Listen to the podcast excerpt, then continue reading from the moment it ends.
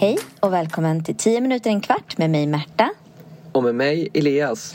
Det här är en podcast på 10-15 minuter som tar upp ett nytt ämne per avsnitt.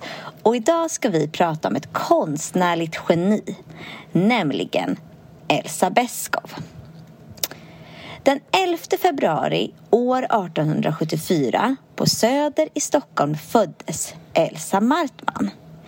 Pappa Bengt, som även kom att bli Elsas stora inspiration, var grosshandlare och han kom från Norge.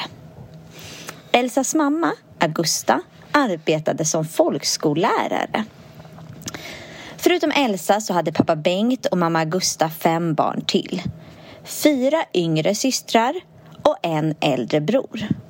Systrarna hette Dikte, Astrid, Malin och Aina och brodern, som var ett år äldre än Elsa, var hennes bästa lekkompis. Han älskade när Elsa berättade sin, sina berättelser och hon var bara tre, fyra år gammal när hon kunde berätta helt otroliga historier på ett fantastiskt sätt. Men det var inte bara berättande hon var skicklig i. Hon var dessutom otrolig på att rita. Och genom sitt berättande och ritande så satte lilla Elsa ihop sina sagor.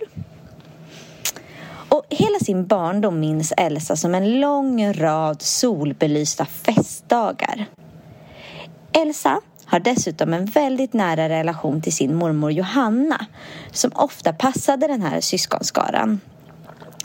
Och det var faktiskt inte bara Elsa som älskade att rita för det gjorde även hennes syskon. Men Elsa var väl den som var mest eh, rit och läsintresserad. Och hon lär sig läsa redan när hon är fyra fem år och sen läser hon högt ur sina sagoböcker för sina syskon så fort som hon har chansen. Och det är även i den här åldern som hon bestämmer sig för att rita är vad hon vill göra när hon blir stor, alltså vuxen. Och när Elsa är 13 år då dör hennes älskade mormor Johanna och två år senare hennes pappa. Och då är det slut med de här vad Elsa kallade för en lång rad solbelysta festdagar. Nej men stackarn. Mm. Och på den här tiden var det väldigt ojämnt fördelat ekonomiskt mellan män och kvinnor. Och genom att pappa Bengt dog så hade mamma Augusta inte råd att bo kvar. Och de behövde nu flytta och flytten gick till mamma Augustas ogifta yngre syskon som bodde tillsammans. Detta är alltså mammans systrar som de flyttar till. Okej, okay. och det blir alltså Elsas mostrar då helt enkelt? Ja, exakt. Och dessa mostrar blir förebilderna för vad vi känner som tant Grön, tant Brun och tant Gredelin, men även farbror Blå. Senare utbildar sig hon som teckningslärare på Tekniska högskolan och då blir hennes verk för första gången publicerad. Jaha, vad kul. Var publiceras det då? I en barntidning som heter Jultomten. Elsa träffar Nathaniel Beskow som hon gifter sig med. Är Nathaniel också konstnär? Ja, han är både präst och konstnär. Året som Nathaniel och Elsa gifter sig så kommer även Elsas debutbok ut. Och vilken är nu hennes debutbok?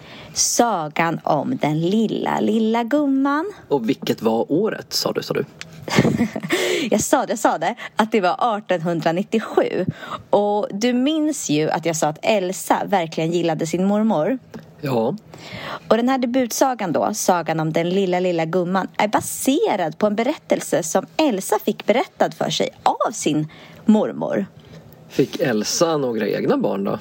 Ja, hon fick ju en liten skara barn, nämligen sex stycken söner. Och de här sönerna fick ofta stå modell eh, när hon skrev sina och ritade sina berättelser. Sen att hon inte fick ett barn till, då hade de haft ett helt sjumannalag i fotboll. Ja, hon var nog mer inne på sagor och sådär än fotbollslag. Eh, familjen Beskow bodde på Djursholm i Stockholm och här hade de en jättestor trädgård med massor av växtlighet vilket gav Elsa stor inspiration.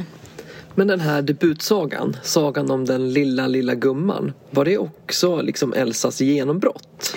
Ja, alltså hennes ordentliga genombrott kom lite senare, nämligen år 1901. Och då undrar man ju med stor nyfikenhet vilken saga var det som hon breakade med? Ja, men den känner ni igen. Puttes äventyr i blåbärsskogen. Åh, den gillar jag verkligen som barn. Den handlar ju om Putte som är i skogen för att plocka bär till sin mamma i namnsdagspresent. Och här i skogen blir Putte förvandlad till en liten version av sig själv. Och sen får Putte besöka blåbärspojkarna och lingonflickorna. Och han får hjälp av dem med plockandet. Alltså bilderna, de är helt otroliga i den här boken. Ja, hon ritar och målar fantastiskt.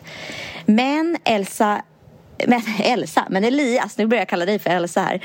Elias, kan du nämna några fler sagor av Elsa Beskow? Eh, Ja, men som du nämnde tidigare så är det berättelserna om tant Grön, tant Brun och tant Gredelin såklart. Och sen så tänker jag på Tomtebobarnen och Hattstugan. Mm. Och så min absoluta favorit, det är Blomsterfesten i täppan. Skrev hon alla de här böckerna själv eller hade hon hjälp av någon eller någon medförfattare eller något sånt? Ja, alltså hon illustrerade också för andra författare men de här böckerna vi nämnde skrev hon ju själv men sen så illustrerade hon teckningar till andra författare som till exempel Alice Tegnér. Eh, Elsas liv slutade i Djursholm år 1953 där hon är begravd på Djursholms begravningsplats. Och det här var allt för idag med mig Elias. Och med mig Märta. Det här är en podcast som heter 10 minuter en kvart och som är inspelad i samarbete med vikarielärare. Ni kan hitta den här podcasten på vår hemsida www.vikarielärare.se under fliken för lärare så finner ni podd. Här kan ni också ta del av vårt arbetsmaterial till den här podden som går att använda innan, efter och under lyssning. Ni loggar då in på vår hemsida med lösenordet vikarielärare med litet v. Podden kan ni också hitta på Spotify och i våra sociala kanaler. Vi finns på Facebook som vikarielärare. Gå in och gilla. Och vi finns på Instagram som vikarielärare. Gå in och följ oss där. Tack så mycket. Tack och hej.